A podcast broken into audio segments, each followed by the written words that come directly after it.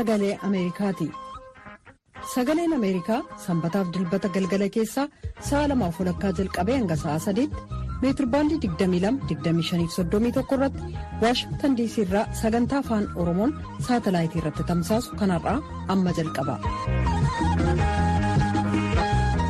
Akkam ooltan hordoftoota keenya kun torbanitti guyyaa sanbataa kan dhiyeessinu qophii dubartootaati.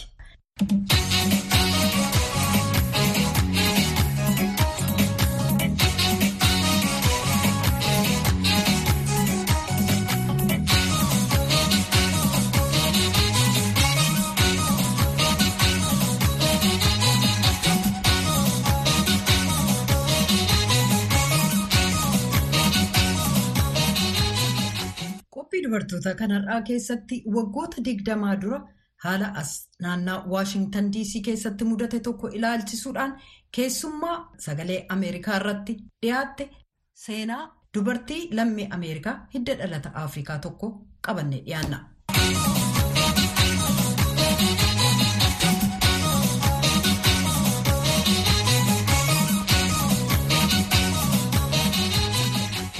Waggoota digdama dura namni Joon Alan Mahammad jedhamuuf qiyyaafatee namatti dhukaasaa ture namoota Waashingtaniif naannoo ishee jiraatan namoota kudhan qiyyaafateetti dhukaasuudhaan yoo ajjeesu namoota sadii immoo akkaan madeessee ture. Haleellaan guyyoota digdamii sadiif ture sun manni barnootaa akka cufamu akkasumas namni mana isaatii akka hin baane dirqisiisee ture. Waggoota kudha lamaaf gaa'ilaan kan isa waliin turte Miildireed Mohaammed garuu. Haleellaan miiraaf sammuu abbaan warraa ishee irraan ga'e waliin jiraachuu ishee dubbatti. Abbaan warraa ishee ishee ajjeesuu akka barbaadu himachuudhaan gargaarsaaf iyyattus nama ishee dhaga'u hin arganne ture. Akka ragaa tokkummaa mootummootaatti dubartii sadii keessaa tokko bara jireenya ishee akka Miildireed Mohaammed haleellaan mana keessaa ishee mudata. Yeroo ammaa mirga dubartootaaf kafalmitu Miildireed waliin turtii kataasiste. Waahilli keenya simmanyi ishee qoyyee haleellaan mana keessaa kan irra ga'u dubartoonni dhiibbaa isaan irra ga'uuf mala ittiin miidhaa sanarraa dandammachuu danda'an ilaalchisee haasofsiistee jirti. Waashingtan DC keessatti qiyyaafatee nama dhukaasu jedhamuun kan beekamu abbaan warraa kee namni martinuu beeku yookaan yaadachuu waan hin dandeenyeef mee waa'ee ofii keetii nutti himi. Gaa'ila ati Joon Alan Mahammad waliin qabdu maal fakkaata ture jettee simmanyish gaaffii gaafatteef Miildireed innaa deebistu Miildireed Mahammadin jedhama. Namni hedduun qiyyaafatee kan dhukaasu nama diisii jechuun kan isa beeku haadha manaa Joon Alan Mahammadin ture. Waggaa kudha lamaaf gaa'ila dhaabnee waliin turre. Ijoollee sadiis qabna. Joon Alan nama loltuu qiyyaafatee dhukaasuudhaan leenji'e ture. Innaa iraaq kuweetiin weerarte kan yuunaayitid isteetsi geggeessite duula desert storm jedhamuun beekamu irratti hirmaatee erga galee garuu nama kabiraa ta'e. Sana dura nama bashannanuu jaallatu namoonni isaa waliin ooluu nama barbaadan nama gammadaa ture. Achi innaa deebi'u garuu cal jedheessa ta'e. Golee qabatee taa'e maal taate? jedhee innaan gaafadhu. Deebii nagaadha jedhu qofaa naa deebisa. hojii isaas dhaabee dubartoota kabiroo waliin hariiroo qabaachuu jalqabe. Kanaaf akka inni na hiikuun gaafadhe manaas akka inni ba'uun godhe garuu furtuu mana koo waan qabuuf yeroo ani ittiin eegnetti dhufa ture jette jalqabarra abbaa warraa gaarii erga ture hookkarri mana keessaa kun attamittiin jalqabe. Jalqabuu isaa duroo mallattoo akeekkachiisaa inni agarsiise jira jechuun gaaffii simmanyish. haadha warraa joon alan mahammad miildireed mohammadiif dhiyeessiteef innaa deebistu mallattoo guddaa inni ture. Ati diina kooti jechuu innaa inni jalqabu. Diina koo waan taateef sinajjeesaa naan jedhaa ture. Akkana hiikuuf ergan gaafadhee booda mana dhufee na arrabsaa. Utuu natti himinis lakkoofsa bilbila mana kooti jijjiira. Poolisiitti iyyadhee natti akka fagaatu ajaja mana murtiin baase. Garuu ijoollee waan qabnuuf isaaniin dubbisuu dhufa. yeroo tokko tokkos ijoolleetti fudhatee hin deebisuu jette. Haalli isaa waan nama sodaachisu fakkaata yaada simmanyish dhiyeessite ture miildireed innaa deebistu baay'ee rakkoonni guddaanis isa ture yeroo mara haala nama sodaachisu ture garuu eenyuyyuu na gargaaruu hin dandeenye sababiinsaas haleellaan narra ga'uusaa mallattoon mul'isu qaama koorra waan hin turreef hawaasi keenya immoo rakkoon uumamuusaa hubachuuf waa arguu barbaada qaamarra godaannis hin jiru taanaan miidhaan waan hin jirre itti fakkaataa jette. Kanaaf haleellaan sirratti utuu raawwatu garuu immoo qaama keerra godaannis waan hin jirreef amanamuu dhabuu keef siif ijoollee keerratti dhiibbaan uume maal fakkaata miildred akkas jette. Ijoolleen koo yeroo sana umuriin isaanii daa'imman waggaa torbaa saddeetiif kudhanii turan. Kanaaf haala jiru keessa akka isaan hin seenne nan yaalan ture. Garuu sanbataaf dilbata isaan arguu innaan dhufutti fudhatee ituun deebiseen hafe. Akka isaan hin argineef maqaa isaanii jijjiiree Ameerikaadhaa ala bakka Antiigaa jedhamutti isaan geesse. Hamma isaan argamanitti eessatti akka inni isaan geesse eessa akka jiran hin beekun ture. Eenyuun akkan gaafadhullee hin beekun ture. Ijoolleen koo badanii namni na gargaarullee hin turre jette. Egaan ijoollee dhabuu jechuun waan baay'ee cimaadha. Sana mara keessa erga darbite akka inni si hiiku erga gaafattee booda diisii naannoo isheetti nama ajjeesuu jalqabuusaa innaa dhageessu miira akkamiitu sitti dhaga'ame? Gaaffii simmanyish ture. Iseenis innaa deebistu. Poolisiin dhufee gaaffiif akkana barbaadu hamma natti mutti namatti qiyyaafatee ajjeesaa ka ture isa akka ta'e hin beekun ture. Yeroo dhumaatiif yoom akkan isa arge na gaafatan? Yeroo dhumaatiif adeemsa gaa'ila hiikuu raawwachuuf baatii fulbaanaa bara kuma lamaaf tokko. Mana murtiitti akkan isa arganitti hime diisii keessaa nama ajjeesaa ka tureef qiyyaafatee ka dhukaasu isa ta'uusaaf dhumarratti ajjeesuu kan inni barbaadu ana akka ta'e natti himanii jette. Kanaaf sirratti qiyyaafatee namoota naannaa kee turan ajjeesaa ture jechuudha. Gaaffii jedhuuf sirriidha. Jalqaba hanga poolisiin natti himee bakka nageenyi koo eegamutti nageessutti hin beekun ture. Sun ta'ee guyyaa lama booda kan inni qabame jette. Kun egaa dubartoota hedduudhaaf haala cimaa natti fakkaata. Waggoota hedduudhaaf namni ati waliin jiraatte abbaan ijoollee keetii si dararuurra darbee haala kanaan nama ajjeesuusaa hubachuun haala baay'ee cimaa waan ta'eef sana attamitti keessa akka dabarte innaa ibsitu. Jalqabarra isa ofii koo waliin wal qabsiisee yaaduu dhaabuutu narra ture.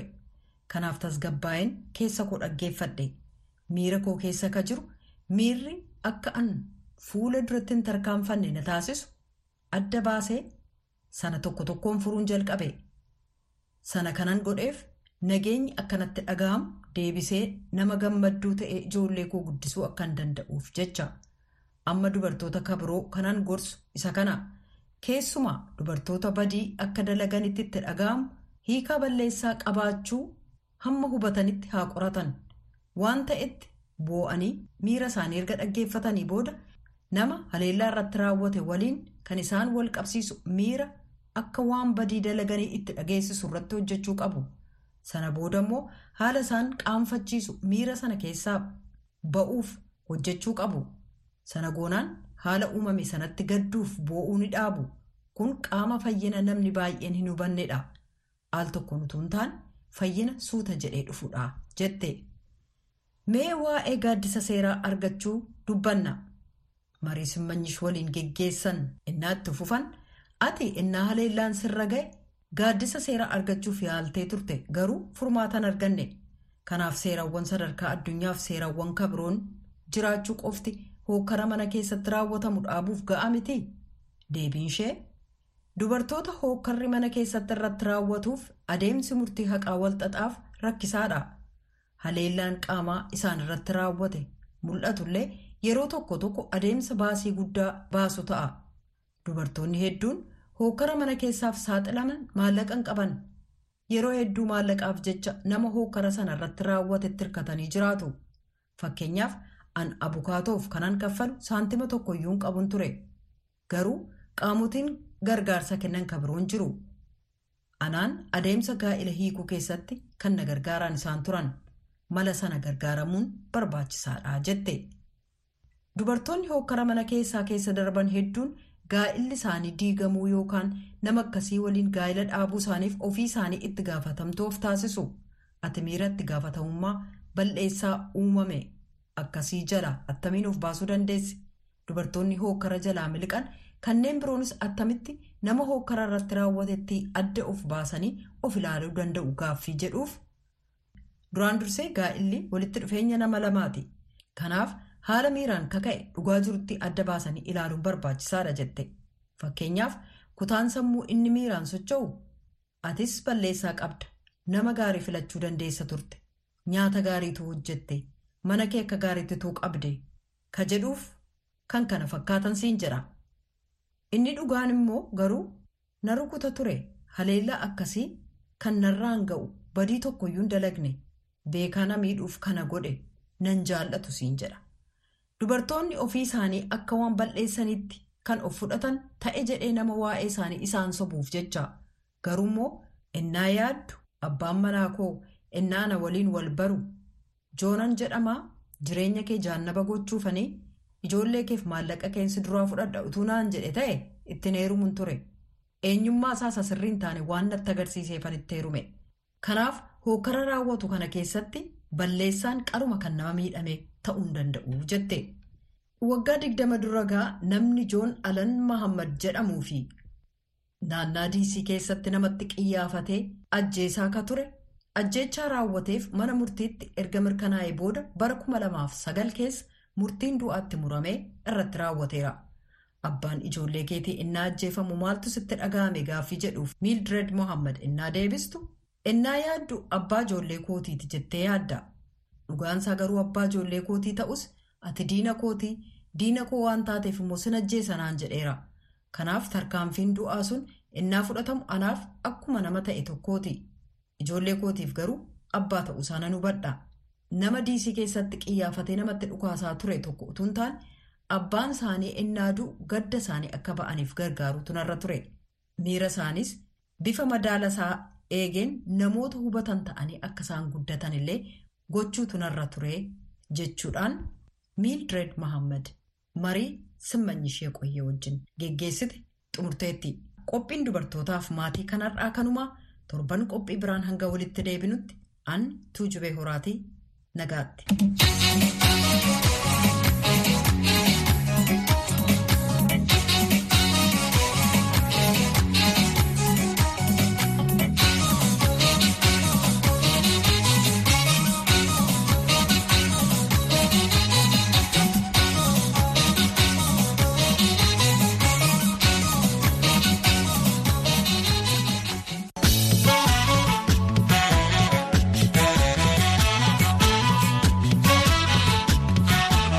Kun qophii dhandhamanna muuziqaati.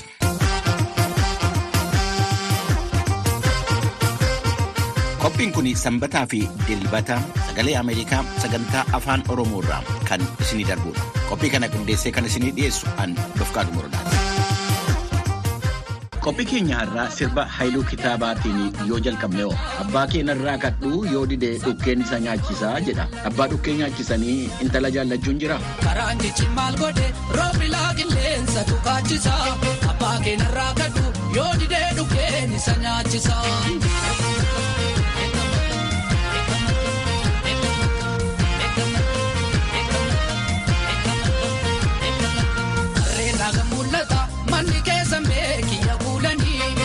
Warraa keessodaaf malee otoo gaammaraa sibiloolanii makiinaan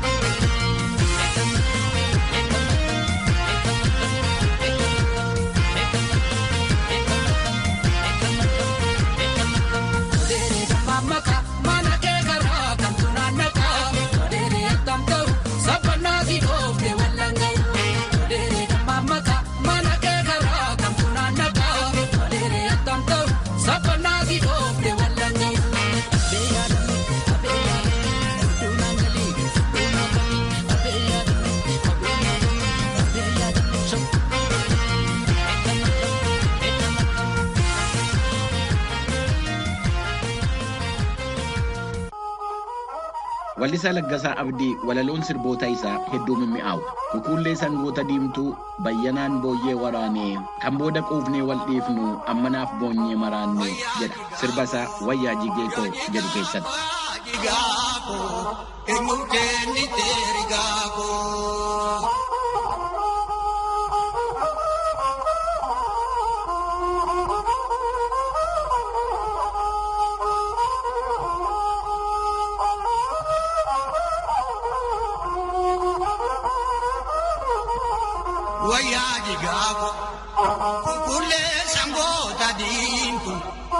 Bayyanaan booyyee waraane wayyaa jigaako kan booddee quufnee walliifnu ommanaa boonyee maraanne tokkeen giraaba yaa mooshaa mooshaa sidaama yaanni naan sokkee si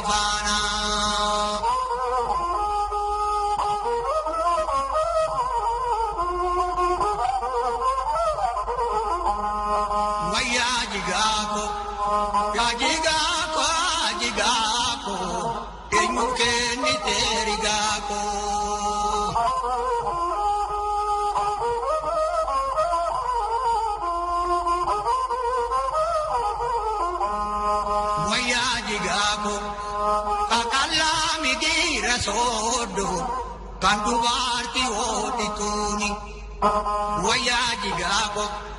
Qoricha sitti funaana kan ittiin na oobsituuni wayyaa jigaako yaa jigaako jigaako eenyu kennite rigaako.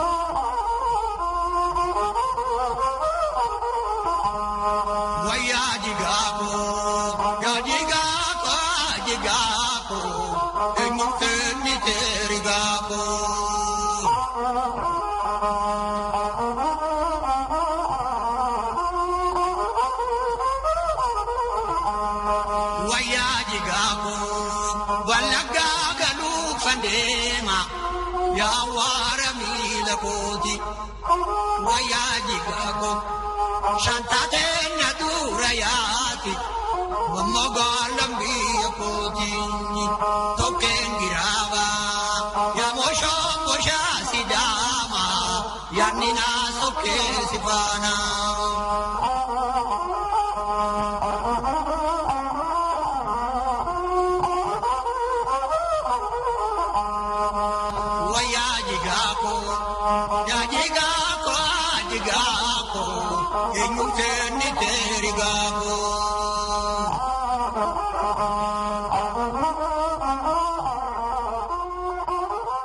Kun sagalee Ameerikaati.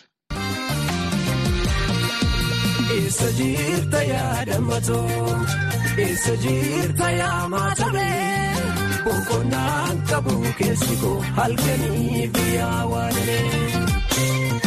Eessa jirta yaadamatoo? Eessa jirta yaamatamee? Boqonnaan qabu keessi koo halkanii biyyaa waanee. Eessa jirta yaadamatoo? Boqoo keessaan marmara. Eessa jirta yaamatamee? Ija kee arguuf hawweetoo. Eessa jirta yaadamatoo? Bullee galgala baatee. Eessa jirta yaamatamee? Jiruun koo gummaara nyaatee. Eessa jirta yaadamatoo? Dhiira keessa neelaa jira. Eessa jirta yaamatamee? Walaalee kiyyoo siif gamee. Eessa jirta yaadamatoo? Galaana akkamtuu si nyaatee? Eessa jirta yaamatamee? Gallee galgala baatee. Eessa jirta yaadamatoo? Eessa jirta yaamatamee? Boqonnaan qabu keessi koo halkanii fi awwaalee. Eessa jirta yaadamatoo? isa jirta yaa maatabee boqonnaan qabu keessi koo harka ifu yaa waalamee.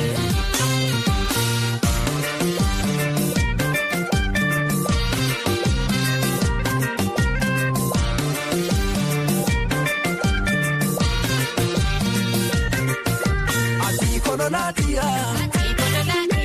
Ati kololaatiyaa.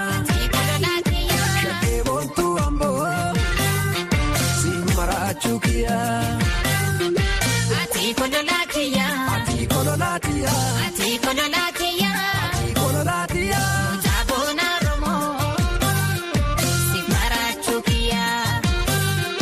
Na fuuldura deemta.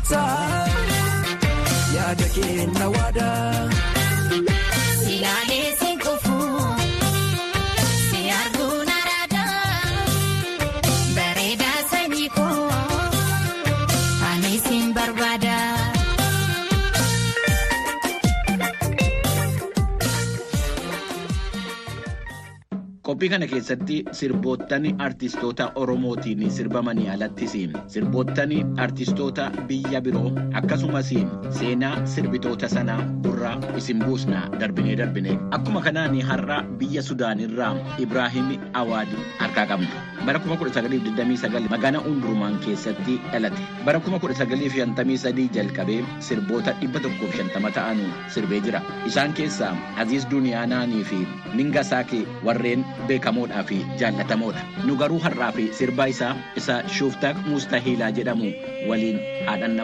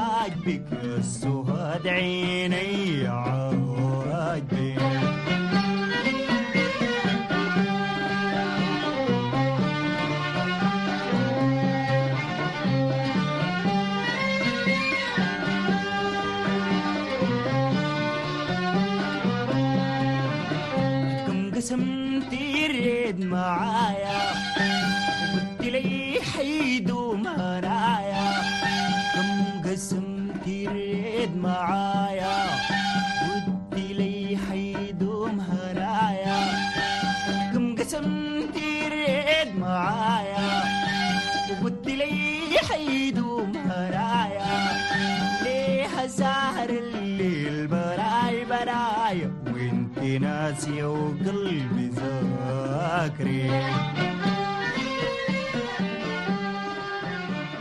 Kan hordofaa jirtan sagalee Ameerikaa sagantaa afaan Oromoo irraa kan isin darbu qophii dhandhamanna muuziqaati.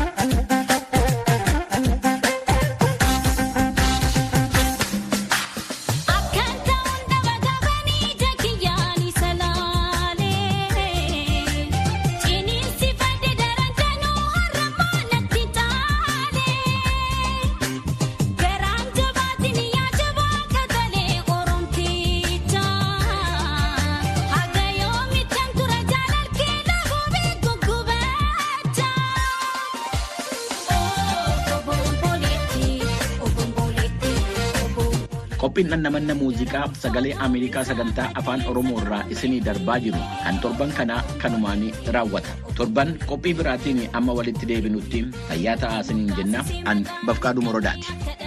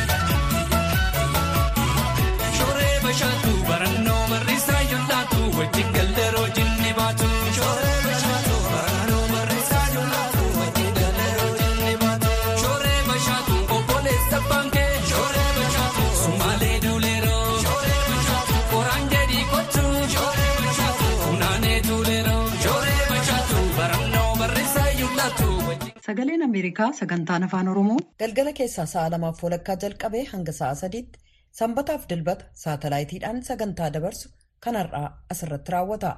Kan isin keessummeesse Antuu Jubee Horaati qophii boriin walitti deebinaa nagaatti bula.